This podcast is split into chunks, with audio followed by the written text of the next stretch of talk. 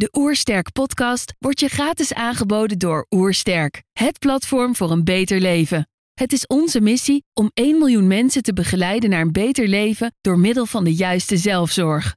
Wil je weten hoe jij kunt werken aan een beter leven? Ga dan naar www.oersterk.nu gezondheidscheck voor onze gratis gezondheidscheck en krijg direct jouw uitslag met persoonlijk advies. Ik ben Floris Wouterson en je luistert naar de Oersterk podcast. Je hebt een druk bestaan en je wordt vaak geleefd.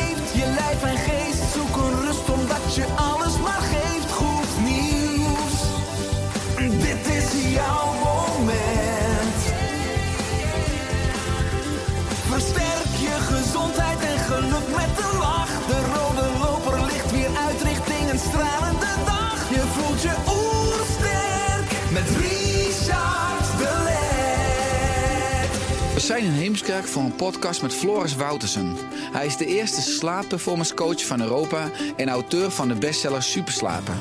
Zijn ambitie is dat iedereen weer goed slaapt en fris en helder wakker wordt. Ik ben benieuwd naar zijn tips voor een beter leven. Trouwens, geniet je van onze podcast? Abonneer je dan en laat een reactie of review achter. Zo help je ons om het gezondheidsvirus te verspreiden. Let's start. De Oersterk Podcast. Een ontdekkingstocht naar een beter leven. Floris, welkom. Hoi, dank je. Het onderwerp vandaag is slapen. Yes. Eh, als mens eh, slapen we iedere dag. Hè. Veel mensen slapen een derde van hun leven. Ja. Eh, maar als we misschien nog een stap terug gaan, Mhm. kan je afvragen waarom slapen eigenlijk? ja, dat is een hele mooie vraag. In veel workshops die ik geef is dat een vraag die ik altijd stel. En ja, wat ik altijd wel mooi vind om te horen is dat iedereen weet dat het voor herstel is. Maar er is nog een heel belangrijk aspect dat in mijn beleving eh, over het hoofd wordt gezien. Als we trouwens over herstel hebben, hebben we het vooral natuurlijk over orgaanherstel en geheugenherstel. En eh, je cellen herstellen zich en dat soort dingetjes allemaal meer. Eh, dat weten de mensen wel, energie opdoen. Maar een tweede punt is dat s'nachts ook weer heel sterk ontgiften. En alle organen komen min of meer aan, aan bod. En het belangrijkste is, we hebben twee ontgiftingssystemen. We hebben het lymfatische systeem, wat door bewegen in gang gezet wordt. Maar we hebben er ook een in de hersenen, dat is het glymfatische systeem. Dus dat is het tweede verhaal. En tijdens de slaap worden, we ongeveer, worden de hersenen ongeveer een, nou, laat ik zeggen, een procentje of 30, 40 kleiner. Hersenvloeistof neemt toe en alle neurotoxische materialen worden daar eigenlijk uitgespoeld. En ehm, als het proces te kort is, loopt dat minder goed. Ehm, en eh, worden je hersenen dus niet echt goed schoongespoeld. Eh, en op lange termijn zelfs, als je de onderzoeken mag lezen, ehm, liggen daar ook de verbanden met Parkinson en Alzheimer bijvoorbeeld. Omdat die neurotoxische materialen daar blijven zitten. Dus ontgiften is ook echt super belangrijk. Dus slaap je bijvoorbeeld tekort, hè, wat natuurlijk heel veel voorkomt. Ehm, dan geef je je lichaam minder tijd om het proces goed te volbrengen. En op lange termijn, want het is altijd op lange termijn bij slaap, eh, ga je daar dan eh, zeg maar de prijs voor betalen. Ja, maar we zijn s'nachts aan het ontgiften. Ja. Dus je kan zeggen dat we overdag aan het vergiften zijn. En daarom hebben we die slaap dan ook nodig. Eigenlijk zijn die, zijn die tegenhangers al mooi aanwezig. Ja, zo zou je het kunnen zeggen. Mm, toch zie je dat de moderne mens steeds meer moeite heeft met goed slapen. Ja, Als je kijkt absoluut. naar inslapen, doorslapen en ook qua fris en helder wakker Ja, worden. absoluut. Eh, hoe kan het nou dat eh, mensen steeds minder goed slapen? Ja, het, is, eh, het past heel erg mooi ook in de activiteit waar jij mee bezig bent. Het zijn heel veel lifestyle keuzes die we met elkaar maken. En ehm, dat is ook wat ik als ondertitel heb gekozen bewust voor mijn boek. Hè, dat het praktische lifestyle principes zijn voor je beste nachtrust ooit.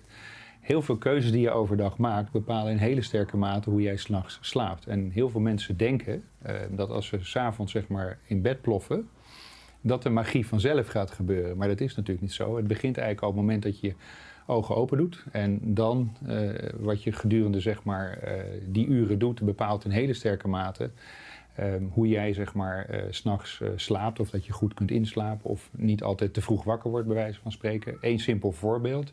Bewegen is heel erg belangrijk. Eh, nou, eh, we hebben allemaal meer zittende beroepen. Ehm, eh, heel veel mensen zitten gewoon te veel en te lang. Overigens van te lang zitten wordt je kont groter. Dat is ook overigens wetenschappelijk bewezen. Dus de vetcellen hè, die gaan zich zeg maar uitbreiden. Eh, maar dat is even een heel ander hoofdstuk. Eh, Maar als jij te weinig beweegt, ehm, maak je bijvoorbeeld ook minder serotonine aan. Serotonine is weer een belangrijk voorbereidend hormoon om goed te slapen. Hè, voorbereidend hormoon voor melatonine. Ehm, dus beweeg je al te weinig, ehm, dan is dat al stap 1. Stap 2 bijvoorbeeld, vind ik altijd heel interessant om te vertellen.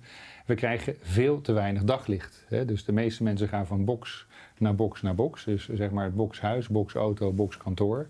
En dan gewoon weer in dezelfde route eh, naar huis. Nou, daglicht is echt essentieel. Uh, er was recent op RTL Nieuws een heel interessant onderzoekje. Uh, dat uh, het merendeel van de Nederlanders gewoon te weinig daglicht krijgt. Dan heb ik niet over zeg maar, het kunstlicht. Hier is het nu redelijk fel, omdat we natuurlijk ook voor een deel aan het, aan het filmen zijn. Maar het is vooral zo dat um, een normale kantooromgeving heeft ongeveer een 300 lux.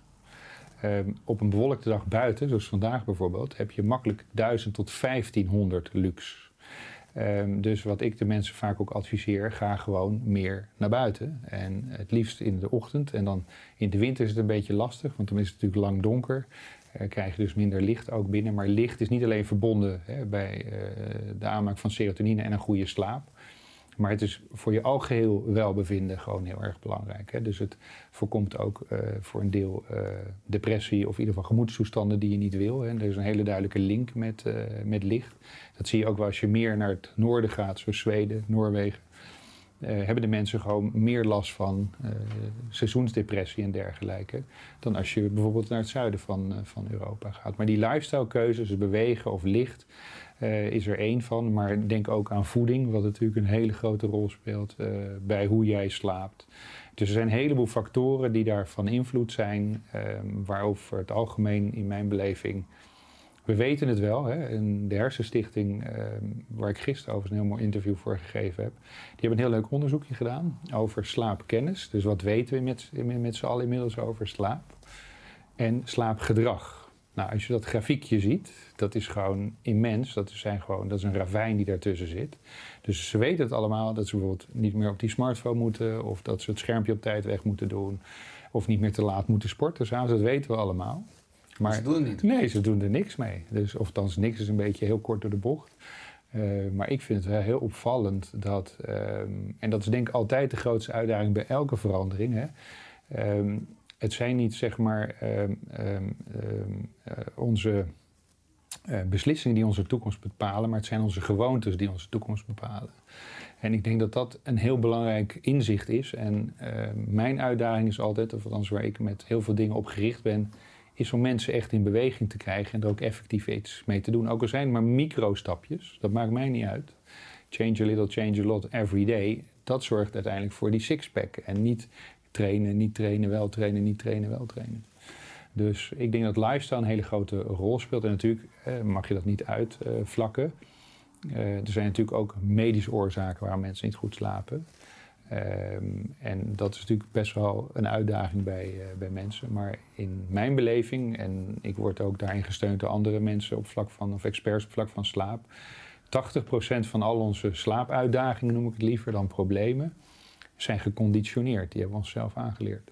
En 20% zit zeg maar in de medische hoek. Hè? Dus dat je bijvoorbeeld te weinig melatonine aanmaakt, of uh, dat je restless leg syndrome hebt, of whatever. Uh, dat zijn natuurlijk hele vervelende dingen, maar 80% creëren we zelf. Dus dat is een enorm percentage. Ja. Ja, het is, uh, ik vind het enorm boeiend dat je als expert slaap eigenlijk alle leefstijlgebieden samenvat, ook mm -hmm. als oorzaak van slecht slapen. Dus je moet eigenlijk in het hele leven kijken. Je kan zeggen dat een slechte slaap een eindafrekening is van de verkeerde gewoontes of keuzes overdag. Uh, ik zag laatst ook een video van jou over uh, uh, twee Amerikaanse goeroes, Richard Branson ja. en Elon Musk. Richard Branson ja. zegt, delegeer meer, ja. want dan kan je of dan moet je meer slapen. Dat adviseerde hij ook aan Elon Musk, Klopt. want die werkt 120 uur in de week. En, uh, nou, die heeft een, een leefstijl die aardig uit balans is. Zo. Waarmee je misschien indirect overdag eerder weer de verkeerde keuze maakt. Absoluut. Waardoor je s'avonds weer ja. slechter slaapt. En dat is dan een, een vicieuze cirkel. Ja. Uh, er zullen veel mensen ook in zitten die luisteren. Uh, hoe kunnen we die cirkel uh, doorbreken? Wat kan daar een eerste stap voor zijn? Ja, het is, het is heel erg belangrijk. Uh, de eerste stap is bij mij altijd, althans wat ik de mensen probeer mee te geven, is bewustzijn. Weet je? Ehm, je, hebt, je kent wel die vier leerniveaus, hè, van onbewust incompetent tot uiteindelijk bewust of onbewust competent. Ehm, maar in eerste instantie te realiseren wat je aan het doen bent. En dat is zeg maar altijd voor mij de allerbelangrijkste stap. En vervolgens is het belangrijk om dan, wat ik al iets eerder zei net, om kleine stapjes te gaan zetten. Want wat de meeste mensen doen, ze hebben nieuwe voornemers. Ze trekken de hele winkel overhoop. Nou, en dan beginnen ze op veel te veel plekken tegelijkertijd. En na twee, drie weken is het gewoon unsurmountable. Die, die, het is zo'n grote berg geworden dat je, nou weet je, laat maar, want het wordt toch niks. Dus de eerste stap is zeg maar, wat mij betreft altijd een stukje bewustzijn. Dan dat bewustzijn goed in kaart te brengen. Dus waar ligt de oorzaak van dat jij niet goed uh, functioneert? Dus we hebben allemaal bepaalde vormen van conditionering. Dat kan natuurlijk uh, verbale conditionering geweest zijn, wat je thuis bijvoorbeeld gehoord hebt. Uh, maar dat kan ook modelleren zijn, want je ouders en het nest waar je uitkomt, zit je ook altijd vaak dingen na te doen waar je jezelf eigenlijk helemaal niet bewust van bent. En dan heb je natuurlijk nog situationele omstandigheden, hè, waardoor je geconditioneerd bent. Ik geef even een voorbeeld. Stel je hebt financiële problemen. Je weet aan het eind van de maand niet hoe je de rekeningen moet betalen. Daardoor ga je slecht slapen en op dat moment ga je in feite je slaapkamer en je bed associëren met uh, zo'n soort verhaal van financiële stress. De financiële stress is voorbij. En jij komt je slaapkamer binnen en de hartslag gaat al omhoog. En je hebt het visueel, dit wordt naar het plafond kijken. En dat is zeg maar wat ze noemen een neuroassociatie die gelegd wordt. En belangrijk is daar dan je ook te realiseren, nou, hè, het is voorbij. En soms is het ook heel goed om daar uh, gewoon van buitenaf hulp bij uh, te halen. En dan dat weer goed te aarden en dat je weer een positieve associatie krijgt met je bed, met je slaapomgeving, wat je aan het doen bent. Dus dat zijn zeg maar even naar bewustzijn drie dingen die je kunt, uh, kunt doen. En dan is het vervolgens inderdaad ja, heel eenvoudig. Um, um, er zijn ook natuurlijk boeken over volgeschreven. Uh, en er zijn er een aantal die ik, uh, die ik zelf heel waardevol vond en waar ik ook veel uit gehaald heb en wat ik ook gebruik in mijn coachings. Um, is dat je een nieuwe gewoonte naast een bestaande hangt. Hè? Dus dat is al een hele belangrijke. ik neem even als voorbeeld. Ik zelf heb nogal een strak ochtendritueel, wat ik ook heel erg fijn vind om te doen. En ik vond het belangrijk om elke ochtend een beetje te strekken en te, uh, te strekken en te, nou, je weet wat, te bewegen. Dus niet hardlopen, want dat doe ik ook elke morgen, maar gewoon even een beetje wat stretchoefeningen doen. Nou, wat ik dan doe als ik terugkom van het hardlopen, dan standaard neem ik altijd eerst een heel groot glas uh, celery sap wat ik vers pers. En dan ga ik douchen. En dan leg ik al mijn matje klaar. En als ik uit de douche kom, poets ik mijn tanden en dan ga ik die oefeningen doen. En op het moment dat je dus zeg maar die routine al voorbereidt voor jezelf, dan maak je het zelf ook makkelijk. Oh, dat matje ligt er al. Ik ga nu dan een beetje opdrukken en ik doe wat buikspieroefeningen en ik doe een beetje stretching links en een beetje stretching rechts. En door het aan een bestaande, dus in de slipstream van een andere gewoonte dat te gaan doen, wordt het ook al een heel stuk makkelijker om het gewoon te. Dus het is hetzelfde als bijvoorbeeld s'avonds al je sportkleren klaarleggen en dat je weet, ik hoef dat niet te gaan zoeken, dat ligt gewoon allemaal klaar. Uh, dus dat is in ieder geval een heel belangrijk uh, aspect wat je kunt doen. En uh, in mijn boek overigens, niet omdat het mijn boek is, maar ik heb ook heel veel bonusmateriaal. En dat heet ook de 5W-methode, waarbij je met wie, wat, waar, wanneer helemaal kunt uitwerken hoe je zo'n gewoonte kunt incorporeren in je dagelijkse leven. En dat is al nog belangrijk als je weet wat je niet goede gewoonte is. Alles wat je aandacht geeft, wordt groot. Dus als je een plant water geeft, dan groeit hij. Geef je hem geen water meer. Als het geen cactus is, dan gaat hij normaal gesproken dood. Um, vaak gaan mensen dan focussen, ik wil niet meer drinken. Ik wil geen alcohol meer drinken of zo. Nou, dat niet willen, dat hoort het universum niet. Dat heeft dus ook helemaal geen zin. Dat is een soort negatieve associatie die je daar dan mee hebt. En je gaat er dan de focus op leggen. En wat je niet wilt, is juist wat je wel wilt. Hè? Dus als je, ik weet je een slipcursus gedaan hebt. Maar als je dat doet, dan leer je altijd niet naar het obstakel te kijken. Want anders ga je vol die muur op. Uh, dat is heel erg interessant. En dat is met dit soort dingen in het dagelijks leven ook. Dus eigenlijk nog als een stapje of een eerste stap of een tweede stap. Misschien ben ik al bij de derde stap, I don't know. Maar wat je kunt doen is um, naast die slechte gewoonte de goede ernaast te zetten en daar je focus op te gaan leggen. En dit dan langzaam te laten weg hebben. En heb, het nou over bijvoorbeeld, uh, heb je het bijvoorbeeld over drank, drinken. Wat bij sommige mensen echt wel een dingetje is. Drukke dag, nou laat ik maar even een biertje pakken, dan kan ik even tot rust komen. Um, drink dan gewoon, in dit geval, zet dat bier niet meer in die koelkast, maar zet daar dan die ginger of weet ik wat je wil gaan drinken. Of eh, maak zelf iced tea of weet ik veel. Zet dat er dan neer en ga dat gewoon drinken en maak daar dan een gewoonte van. En dat werkt veel beter dan iets uit je leven te bannen. Maar ik weet niet wat jouw ervaring daarin uh, is, dan dat je uh, je daarop gaat focussen. Dus dat zijn allemaal van die dingetjes. En via een goede intake kun je heel goed zien een beetje hoe de. Hè, want slapen is een 24 uurs verhaal wat doet iemand nou eigenlijk de hele dag? En vaak zijn ze zichzelf dat niet eens bewust. En dan meten is weten, dan registreer het eens twee weken lang. En ga dan kijken waar je verbeterpunten zitten. Ja, ik zeg ook altijd dat het oerbrein kent geen niet. Dus als je Ja. wil niet aan de roze olifant denken, Ja. dan ga je toch aan de roze, roze olifant denken. En die je, Ja, dus dan wordt eigenlijk de, de, de focus en de energie Mhm. gaan dan toch naar hetgene wat je niet wil. Mhm. Dus het groeit alsnog. Dus Mhm. richt je, dat is natuurlijk wel interessant dat je kijkt dat heel veel mensen weten wat ze niet willen, maar niet per se Ja, wat ze wel willen. precies. Daar ligt dan een, een uitdaging. Ja. Als je het hebt over die gezonde ochtendroutine, eh, is dat al een goede slaapgewoonte? Eh, dat begint, dat, dat, eh, je bedoelt bedoel, dat ligt uit elkaar, ochtend en avond. Ja. Kan je dat dan een goede slaapgewoonte noemen? En wat zijn goede slaapgewoontes? Ja, ja, ja, zeker. Dus als je het over slaapgewoontes hebt, is het heel belangrijk dat je zeg maar wat ik noem pre- en post-slaaproutines hebt. Dus wat doe je eigenlijk voordat je naar bed gaat? En hetzelfde geldt, wat doe je als je 's morgens bent opgestaan? En je kunt dat proces dus heel sterk ondersteunen.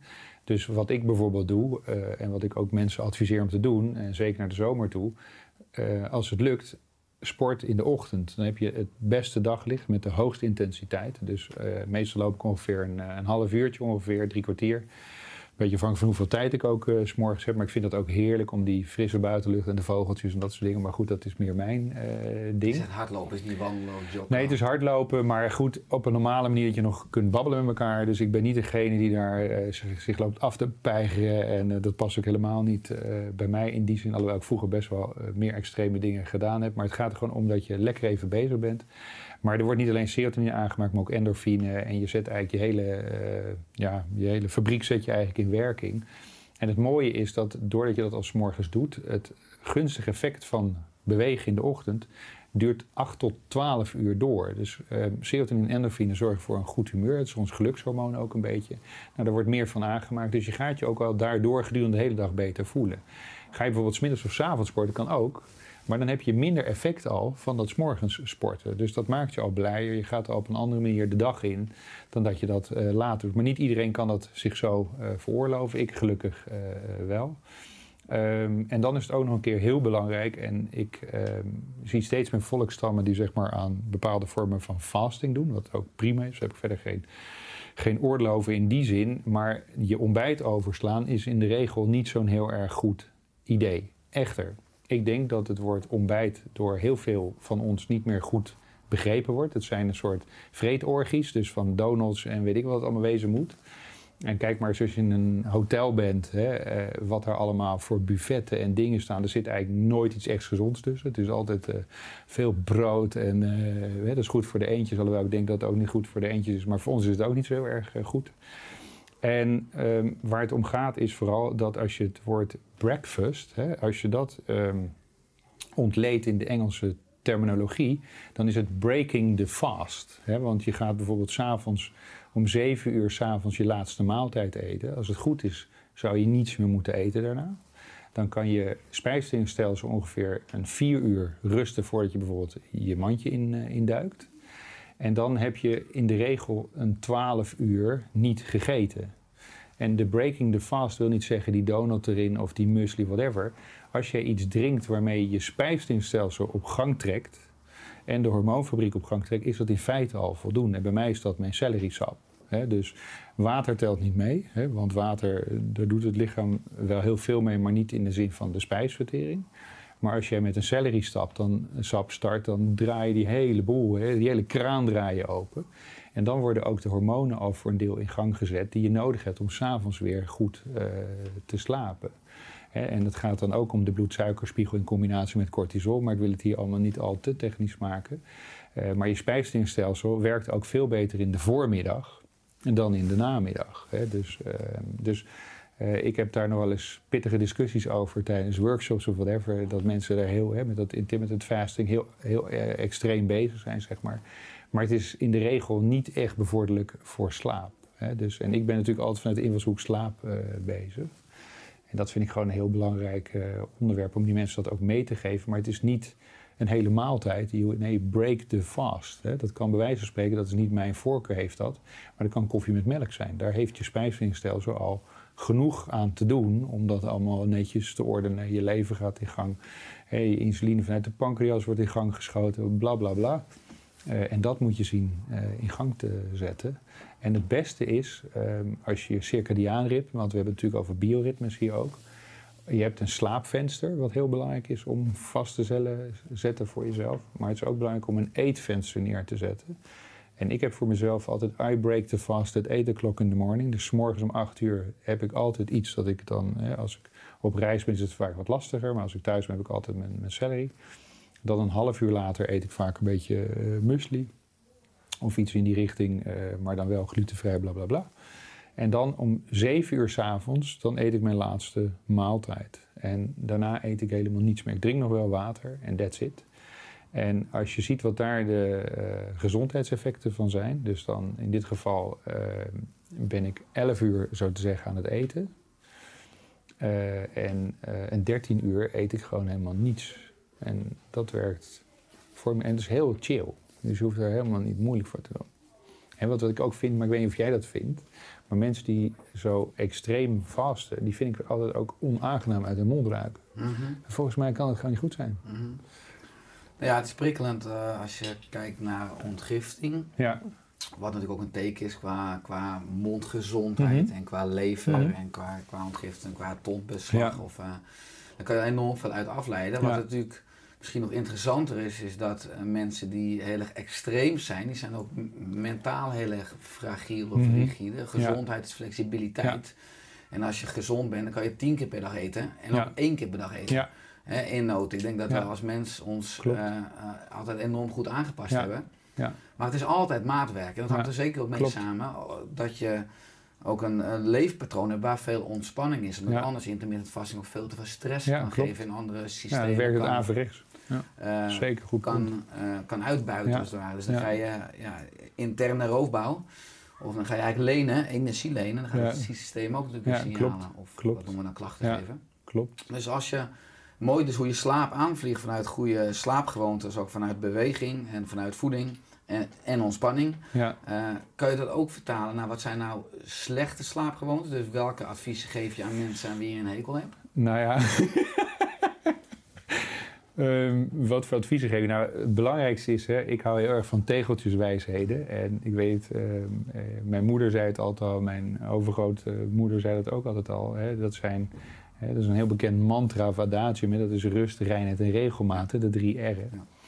En ehm, de belangrijkste is regelmaat. Hè. Eh, wat ik net al even aangaf, een slaapvenster en een eetvenster. Hè, om dat eh, vast te stellen voor jezelf. Binnen de mate van het mogelijk, want we zijn ook geen robotten. Maar als je nou iemand inderdaad een slecht advies wil geven, nou dan sta maar op wanneer je zin hebt. Dan ga maar naar bed wanneer je zin hebt. En slaap maar uit wanneer je zin hebt. Dus doe maar gewoon wat. Ehm, dat zorgt ervoor dat het groepje neuronen, hè, wat we dus ehm, in onze hersenen hebben, wat we onze masterklok noemen, ehm, dat die helemaal door de war gaat. En dat is een prima formule om zeg maar eh, je slaap te vernachelen. Dus dat is in ieder geval al eh, stap Dus 1. Verstoring en bioritme. Ja. En dan heb je specifiek over de nucleus suprachiasmaticus. Ja, daar heb ik het over, absoluut. Ja. Dus eh, dat is het groepje neuronen, wat, dat is de master, want elk orgaan heeft een klok. Maar Ja. eh, deze die stuurt eigenlijk alles. Eh, dat ding is verzot op regelmaat, sowieso, dat groepje neuronen.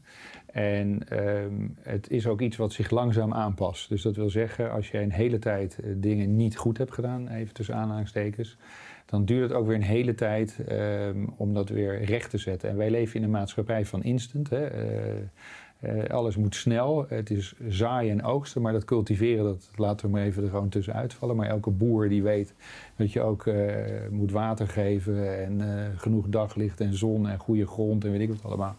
Nou, dat stuk heb je bij slaap ook nodig. Dus als je het wil oplossen, dat probleem van die onregelmatige tijden dat je slaapt en eet en weet ik wat allemaal, dan zul je dat ook de tijd moeten geven. Dus dat is heel erg belangrijk. Ehm, en dan ten tweede, want je hebt eigenlijk op drie vlakken waar je vanuit de slaapinvalshoek naartoe kan kijken. Eén heb ik nu even gehad, dat is bioritme. Er zijn nog heel veel meer dingen over te vertellen, maar laten we dit maar even als de belangrijkste noemen. Dan twee is slaapdruk. Hè. Dus zoals je weet, eh, bouw je gedurende de dag elk uur meer slaapdruk op. Nou, wil je dat ehm, onderuit halen, drink dan vooral heel veel koffie, heel veel Red Bull, heel veel van dat soort rotzooi. Eh, dat zorgt er ook echt super voor dat je s'avonds uh, lekker ontspannen je mandje in kan kruipen. Ehm, dus ehm, daar, hè, dus, en alcohol kun je er ook nog even bij eh, zetten. Dus dat is ook wel een dingetje waar je je slaapdruk ontregelt, wat gewoon ook niet handig is. En napping hoort daar voor een deel ook bij. Hè? Dus alleen ehm, een gezond iemand in een gezond lichaam die gewoon goed slaapt, is nappen een, een, een ontzettende energy boost. Dus daar adviseer ik het ook. Maar mensen die een uitdaging met slaap, die zijn wat mij betreft eigenlijk verboden of, hè, om te nappen. Dus daar haal je, Dutjes dan. ja, daar, dus hazenslaapjes, dus daar haal je ook weer de slaapdruk weg. En eh, dat is dus een, een neurotransmitter in feite, dus een primair hormoon, wat ze het ook wel noemen. Hè? Dat is eh, adenosine. Dat vat, of dat vaatje is 's morgens leeg. En dat bouwt zich gedurende de dag op en dat wordt steeds voller. En dat is uiteindelijk eh, de transmitter die zorgt voor de slaperigheid. En de melatonine lokt het uit. Dat is het startschot eigenlijk. Dat die adenosine vrijgezet wordt in het bloed en we uiteindelijk gaan slapen. Nou, dus wil je mensen dus daar ehm, op het verkeerde been zetten, dus wat zou je je beste vijanden aanraden? Veel koffie, veel suiker, veel snelle koolhydraten, eh, dat soort dingen. Dat is echt super om je slaap eh, naar de pommen te helpen. En dan heb je nog het fenomeen arousal. Dus eh, dat zijn eigenlijk de drie dingen. Dat is zeg maar prikkeling of overprikkeling. Eh, nou, geen pauzes nemen overdag. Ehm, en als je dan al een pauze neemt, denk dat op je smartphone te zitten, dat dat pauze is. Nou, dat is gewoon een flipperkast voor je hersenen. Dus ga heel veel op je smartphone zitten. Zorg voor het verkeerd getimede eh, blauwe licht. Dat werkt ook altijd heel erg super. Ehm, en ehm, ja, zorg er gewoon voor dat je ehm, de hele dag gewoon die mensen bezighoudt. Dat ze in ieder geval geen mogelijkheid hebben om even op adem eh, te komen. Ja, dus, en dat is in ieder geval, hè, want ons, ons, ons centraal zenuwstelsel is een binair systeem. Hè, dus je hebt het orthosympathisch en het parasympathisch. Zorg dat dat niet aangezet wordt. Dus zorg gewoon dat je altijd switched on bent. Dat is gewoon top. Dan ga je super slapen. Zo even mijn boek natuurlijk. Ja, ja. Maar dat is maatschappelijk een grote uitdaging wat je benoemt. eh, dat je een gesprek hebt ook met de Hersenstichting. Dat Ja. mensen het wel weten, Ja, maar niet doen. ja. Eh, nou, die vragen heel veel, veel mensen ook hoe kan ik s'avonds nou op tijd naar bed gaan? Ja. Want hè, die Netflix-series ja, die zijn en die. Facebook en die Instagram, ik bedoel, het scrollen houdt nooit op. Hè? Er is een, een, een, een onuitputbare Klopt. hoeveelheid prikkels Klopt. en informatie en mogelijkheden. Maar hoe kan je er nou voor zorgen dat mensen op tijd in bed liggen? Eén. En twee, wat zou een goed tijdstip zijn om Ja. naar je bed toe te gaan Ja. s'avonds? Ja, het zijn hele mooie vragen. Er is veel over te zeggen. Eh, ik ga een paar simpele hacks eh, meegeven. Alhoewel die vaak afhankelijk ook hoe de context is. Hè? Want je moet altijd naar de context kijken. En een gezin met jonge kinderen heeft andere uitdagingen dan bijvoorbeeld met jonge pubers of whatever. Of als je helemaal geen kinderen hebt. Ehm, maar je moet zien ergens een level playing field. Dus dat je allemaal een beetje op dezelfde pagina zit eh, te krijgen. Ehm, de tips die ik wel vaker geef, die je ook eh, kan lezen op een blog of whatever. Zet een wekker om s'avonds naar bed te gaan. Dus dat is al één. Dus zet in ieder geval een, een of andere code van... Nu ga ik me klaarmaken voor de avond. Ik leg al die dingetjes weg. Ik ga nog wat lezen. Ik dim het licht een beetje, bla bla bla. Eh, dat is in ieder geval stap 1. Twee is, als dat niet werkt, zet een tijdschakelklok tussen je wifi en eh, de router. Dus dat de hele boel er gewoon uitklapt. Nou, dat zorgt vaak voor oorlog in huis, tussen aanhalingstekens. Maar goed, heb je altijd nog 4 en 5G. Hè? Nou, daar heb je dan ook weer hele leuke apps voor... die op een gegeven moment gewoon je phone blokken als het te moeilijk is. En ik weet, bij bedrijven zijn er ook nu hè, het, het fenomeen... dat tijdens vergaderingen ze allemaal op die rottige apparaten hangen zijn er een soort eh lode koffers. En dan moet iedereen daar zijn telefoon in leggen. Die koffer gaat dicht, slot erop en dan wordt hij in de hoek gezet. En dan wordt er gewoon normaal vergaderd. Ja? Nou, dat zou je thuis ook kunnen invoeren. Dat je gewoon tegen iedereen zegt, nou vanaf uur X leggen we allemaal onze telefoon in een lode koffer. Of in ieder geval een goede afgeschermde koffer. En we zetten het ding gewoon in de hoek en het is klaar. Nou, dan gaat bij heel veel mensen, eh, weet ik wat, de alarmbel aan. Maar dat zou al een eh, mooi begin eh, kunnen, kunnen zijn. En eh, hoe laat moet je naar bed gaan? Dat is een genuanceerde vraag, want slaap is heel erg individueel en ook afhankelijk van hoe, eh, welke leeftijd je, je hebt. Want baby's slapen eh, zeg maar polyfasisch of zelfs ja, polyfasisch en, en meer dan 16 uur in een etmaal van 24. Pubers zouden eigenlijk nog een uur of 10 eh, moeten slapen en volwassenen liggen ergens tussen de 7 en de 9 uur. Hè. Dat is eigenlijk de ideale tijdspanne. En dan heb je nog een differentiator. En dat is je chronotype. Dus ben je eerder een ochtendmens of eerder een avondmens. Alhoewel ik daar ook steeds meer research over eh, krijg. Dat het ook een beetje door onze moderne leefstijl gecreëerd is. Ehm, heel leuk ding, even een klein zijstapje. Ehm, ik ben heel erg bezig met de invloed zeg maar, van de darmen op slaap. Dus de gezondheid van de darmen en uiteindelijk wat het doet met onze eh, kwaliteit van de slaap en ons natuurlijk slaappatroon. Ehm, tijdens mijn research stuitte ik op een heel interessant eh, onderzoek wat ze gedaan hebben bij mensen die ze een week lang gemeten hebben, eh, de melatonine-piek, hoe laat ze die op de dag hadden. Ehm, en dit waren allemaal, zo te zeggen, naar eigen beleving avondmensen.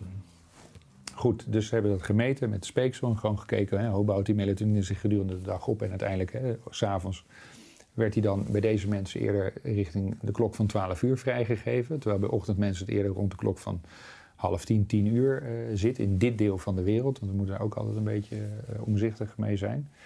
Die mensen hebben ze meegenomen naar the middle of nowhere. Gewoon in een tent. Geen licht, helemaal niks. Uh, althans wel daglicht, maar geen, geen kunstmatig licht. geen prikkels, geen telefoons, geen whatever. En na drie weken wat bleek, die melatoninepiek die schoof terug richting 10 uur. Ja?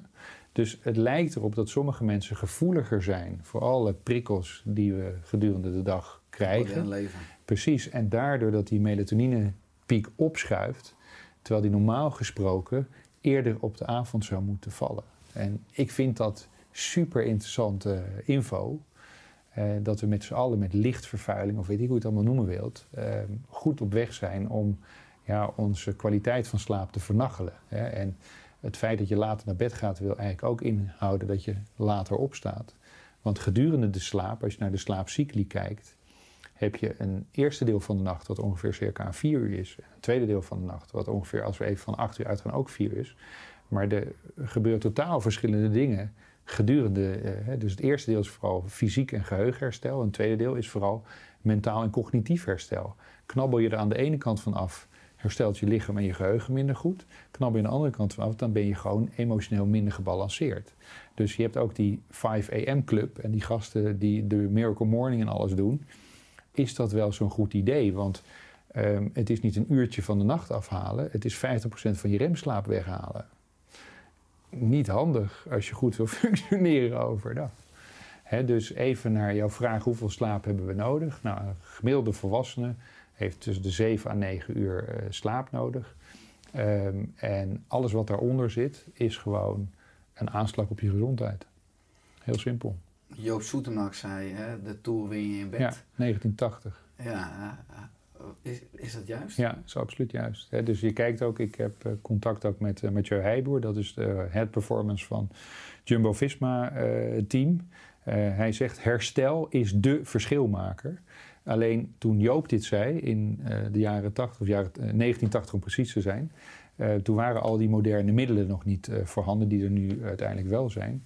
Um, als je kijkt naar een bergetappe, als ze in de Tour de France of in de Giro gereden hebben, Ehm, dan zitten ze heel hoog in een adrenaline. En een lichaam heeft ongeveer vier uur nodig om dat terug te schroeven. En dan beginnen ze al met autogene training in de bus als ze terug naar het hotel rijden. dus daar worden ze, hebben ze een heel slaapprotocol ook voor, uh, voor opgesteld. Um, er gebeurt zoveel um, in het lichaam tijdens de slaap. ik heb net al iets verteld in het begin over dat lymfatische wat er hier in de hersenen gebeurt. En dat de eiwitten, die niet goed zijn, ook uh, allemaal netjes uh, uitgebracht worden. Maar als je kijkt naar spierherstel, als je kijkt naar orgaanherstel, weefselherstel, dat gebeurt allemaal gedurende de nacht. En als zij hun renners voldoende laten rusten en uh, dat ze ook hun arouseniveau naar beneden kunnen halen, hoe beter ze gewoon performen tijdens zo'n tour bijvoorbeeld. Maar dat geldt niet alleen voor sporters, dat geldt ook voor ondernemers, dat geldt voor iedereen die een actief en druk leven heeft. Um, en er is ook een hele grote, ja, ik ga het woord even gebruiken, mindfuck. Dat mensen denken dat ze maar een uur of zes, zeven slaap nodig hebben en dat ze daardoor productiever zijn. Nee, het is precies omgekeerd. Door minder te slapen ben je gewoon minder productief. En er zijn ook hele mooie onderzoeken over gedaan, um, met name in Amerika. Um, waarbij heel duidelijk naar voren kwam dat ze een viertal groepen hebben getest. Eén die mocht acht uur slapen, één zes uur slapen, één vier uur slapen en één groep mocht helemaal niet slapen. En die hebben ze hele simpele cognitieve testjes laten doen door een lampje te laten branden. En dan moesten ze gewoon op een knop drukken als het lampje brandde. En uh, nu, na dat gedaan te hebben, de groep van acht uur haalde gewoon prima resultaten. De groep van vier uur haalde Bagger-resultaten. De groep die helemaal niet dat was gewoon abominabel, uh, abo, abominabel slecht. Oh, dat moeilijk woord zeggen. Ik niet gewoon makkelijk, dat was gewoon super slecht. Mm -hmm. super slapen, super slecht. Ja. En dan had je nog die groep van zes uur, waar iedereen van dacht, hé, hey, die zullen het wel goed gedaan hebben. Die hebben ze dan ook gevraagd, hé, hey, wat vond je dat oud ging? Fantastisch. Die hadden 400 keer uitval, dat noemen ze een microdutje, tijdens die testjes die ze moeten doen. En daar zit dus het grote gevaar. Ze dachten dat ze nog cognitief heel fit en goed bezig waren.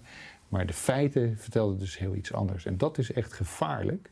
Dat mensen denken door zes uur of minder te slapen goed te kunnen blijven functioneren. Cognitief, dat is gewoon een fabel.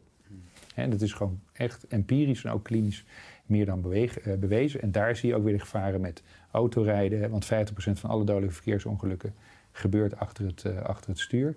Um, S'nachts naar je verkeers- uh, of je vakantiebestemming rijden. Dat zijn natuurlijk gewoon compleet domme dingen om te doen. Dus als je jezelf en je gezin en de omgeving in gevaar wil brengen, dan moet je dat doen.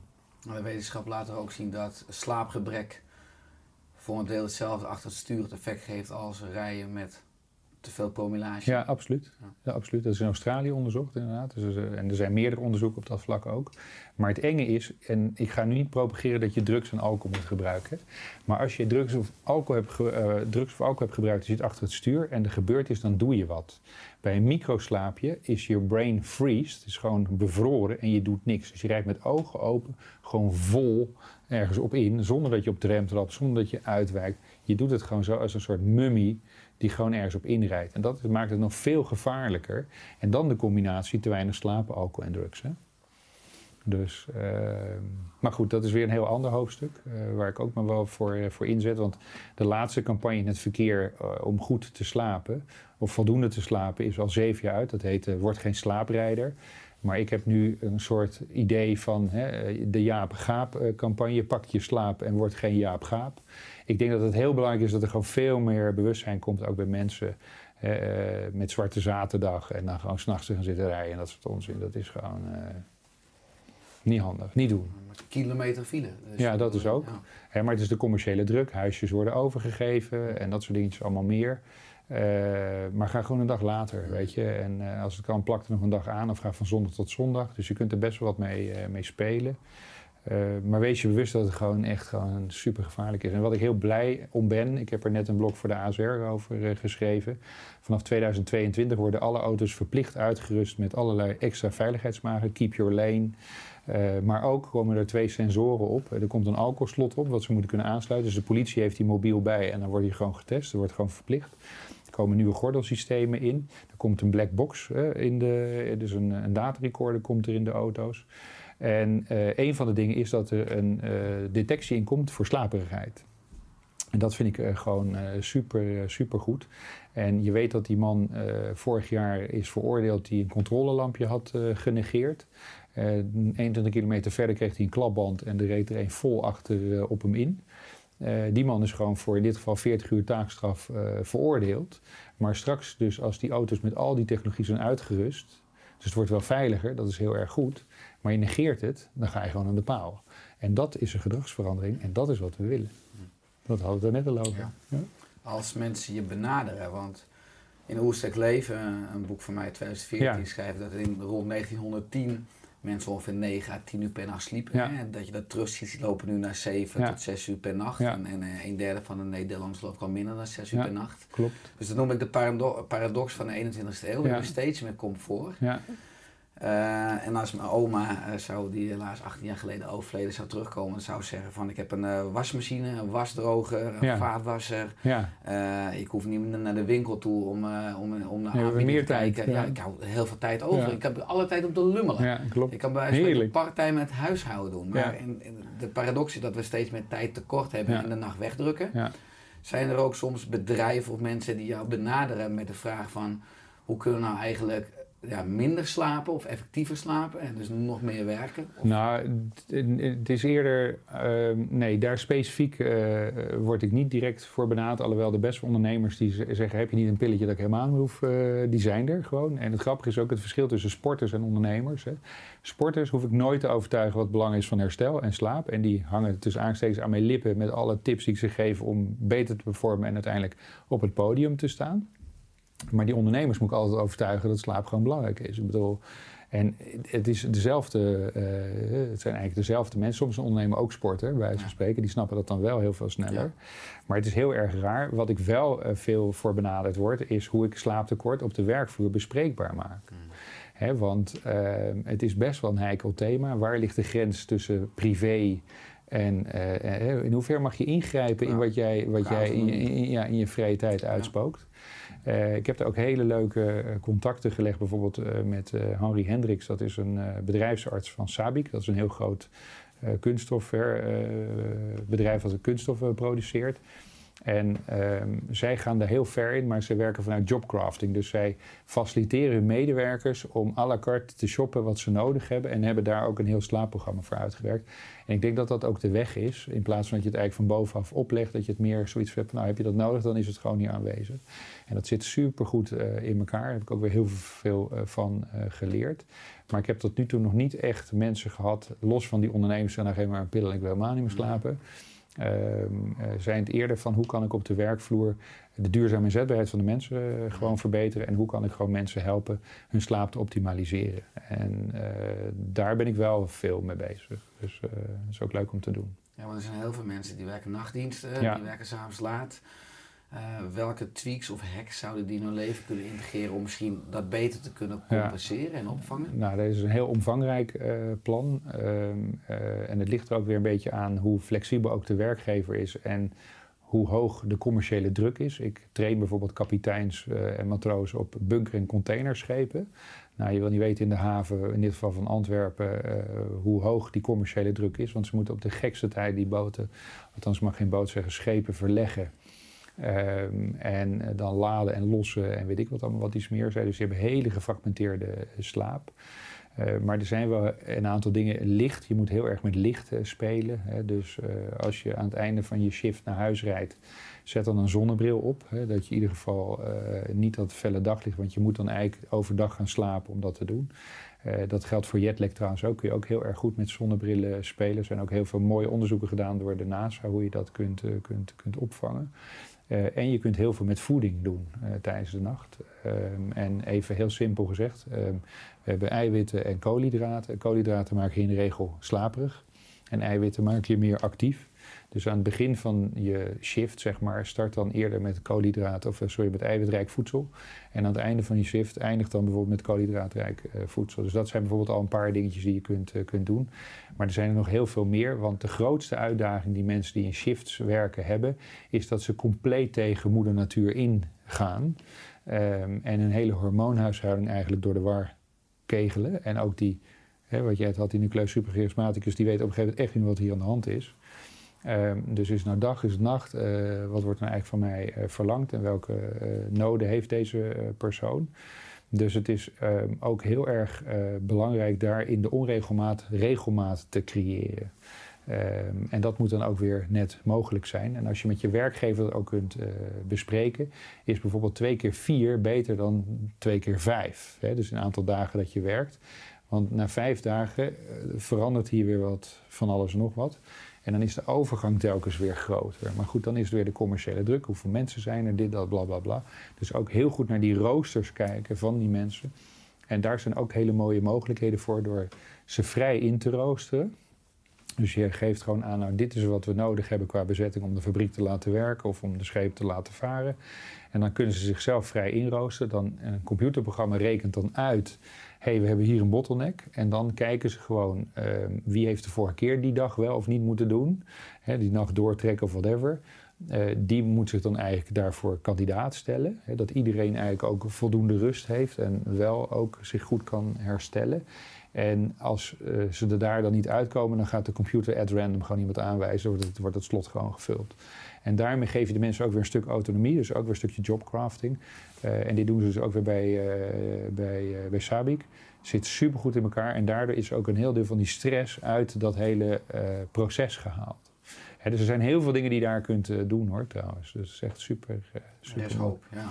Ja, er is zeker hoop. En natuurlijk, als je naar de Europese cijfers kijkt, is Nederland een van de landen waar de meeste mensen zeg maar ook s'nachts werken. Dus bijna 55 procent. Vergelijkt met België, waar je veel sterkere vakbonden hebt, is het maar 15 procent.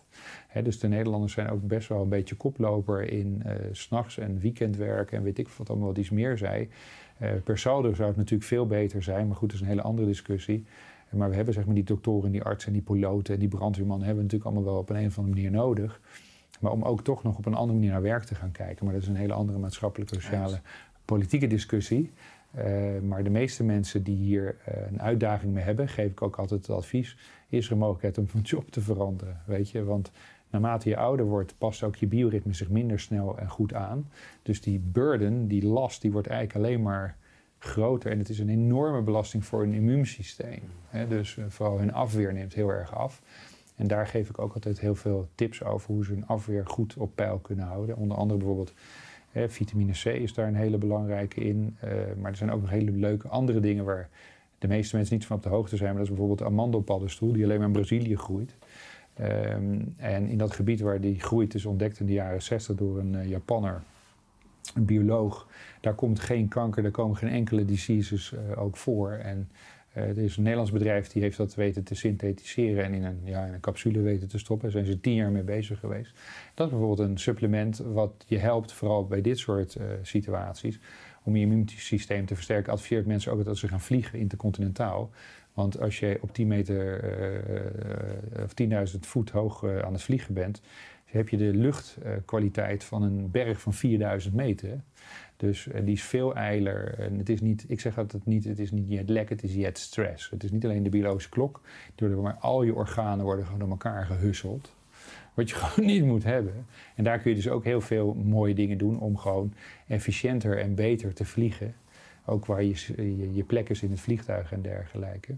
Maar het immuunsysteem, uh, daar ben ik zelf heel erg uh, mee bezig. Maar vooral de invloed van ons darmflora op ons bioritme. Want er is een directe relatie tussen darmflora en ons bioritme. En het grappige, of ons ook wel het interessante daaraan is, vind ik zelf, dat. Um, als je slecht slaapt, gaat de kwaliteit van je microbiome schuine darmflora gaat gewoon naar beneden. Doordat je microbiome of je darmflora weer in kwaliteit naar beneden gaat. Hè, want je hebt drie soorten bacteriën in de darm. Even simpel gezegd, de goede, de neutrale en de slechte. Dus neutrale muteren meer naar slecht. En vervolgens is het zo dat dat weer meteen impact heeft op je bioritme. En ga je dus weer slechter slapen. Dus dan kom je in een soort vicieuze cirkel terecht. En uh, ik heb dan uh, het afgelopen jaar een heel programma ontwikkeld om zeg maar, mensen te helpen om die microbioom en daarmee de slaap weer op de rit uh, te zetten. En de resultaten die we daarmee behaald hebben, ik heb afgelopen december met acht mensen een pilot gedaan. Die zijn gewoon spectaculair. Af en toe moet ik even zo doen, van klopt dit eigenlijk wel? Maar als je ziet wat de darmen van impact hebben, niet alleen op slaap hoor. Het is eigenlijk de, de poort naar gezondheid in het algemeen. Uh, en ik vind het fascinerend, echt. Ik word er helemaal, uh, helemaal blij van. Kun je een specifieke tip geven om het microbiome, die darmflora, te versterken? Nou ja, goed. Um, er zijn natuurlijk heel veel. Um, de makkelijkste en de, de, snelste stap die je kunt zetten is in ieder geval veel nauwkeuriger naar je voeding te kijken. Um, dus dat is één, zeg maar.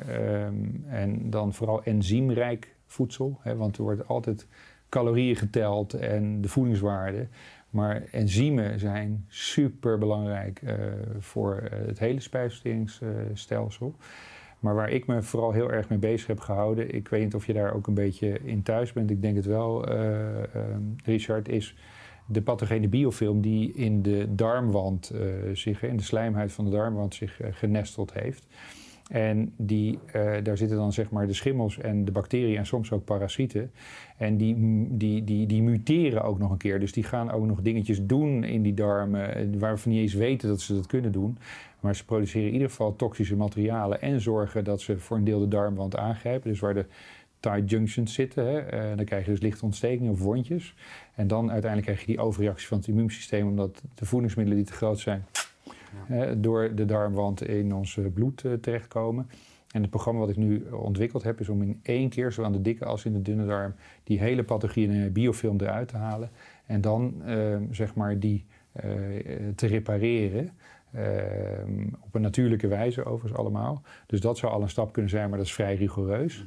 Ehm, als je al meer aandacht besteedt aan je voeding en je zou het op een wat eenvoudige manier uh, willen doen, is een hele hoogwaardige uh, probiotica uh, te slikken om dan die darmflora gewoon weer op, op, ja, op te peppen, zeg maar.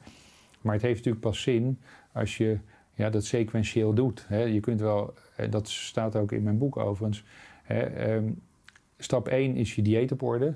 Stap 2 is meer bewegen. En stap 3, daar kun je nog eens gaan nadenken of eventueel wat supplementen te slikken. Maar wat doen de meeste mensen? Dieet wordt niet aangepast.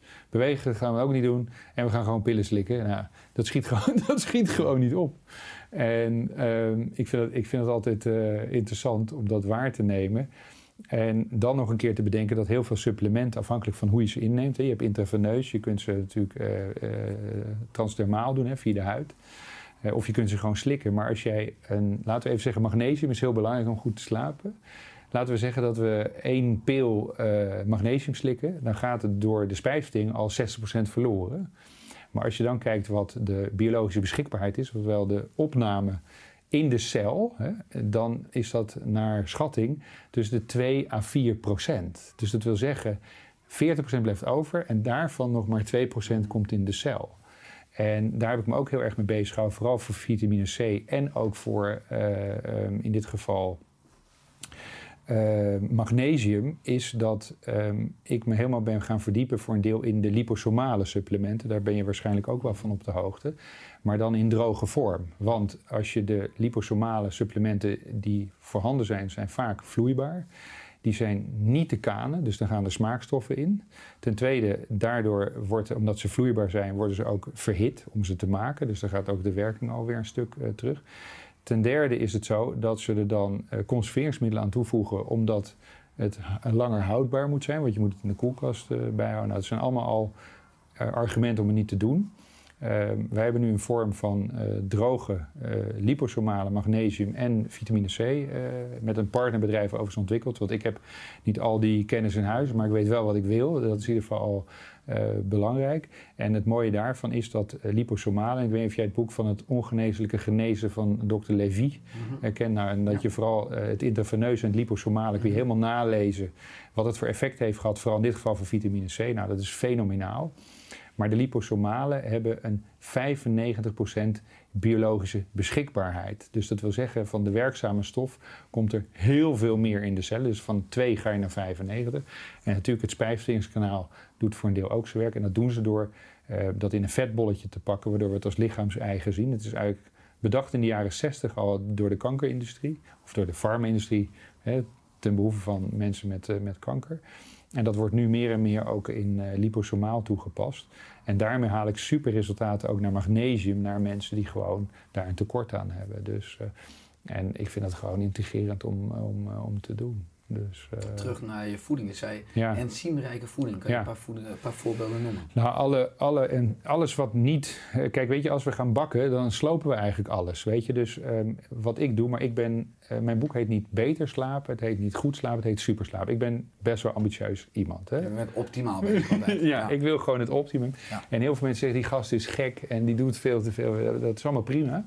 Maar als één iemand daar één tip uit haalt waar hij al iets van heeft, vind ik het super. Dus ik ga vrij ver. En ik heb al heel lang een, thuis in onze keuken hebben wij een dampgaren af Duits. Dus een steamer, uh, een hoge drukoven in feite.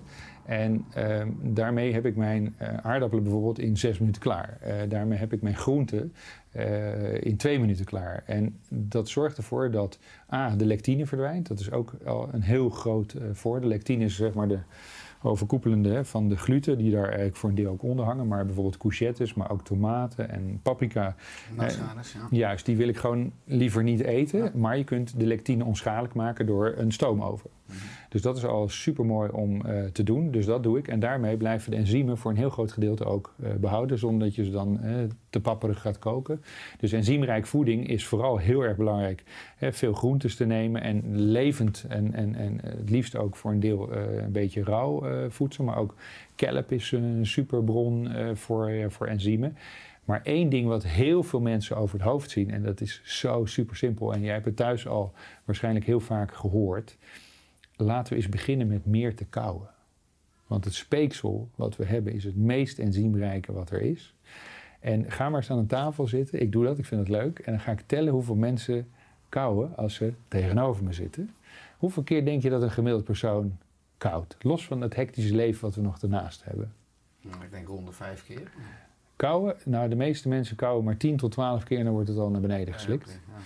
En als je kijkt naar wat het zou moeten zijn, iets wat ons lichaam goed verteert, hè, dus laten we zeggen groente of uh, fruit of whatever, zou je 30 keer moeten kauwen. En dan heb je genoeg enzymen waardoor je je maag en je, vooral je dunne darm echt ontlast in, het, uh, in, in de werking.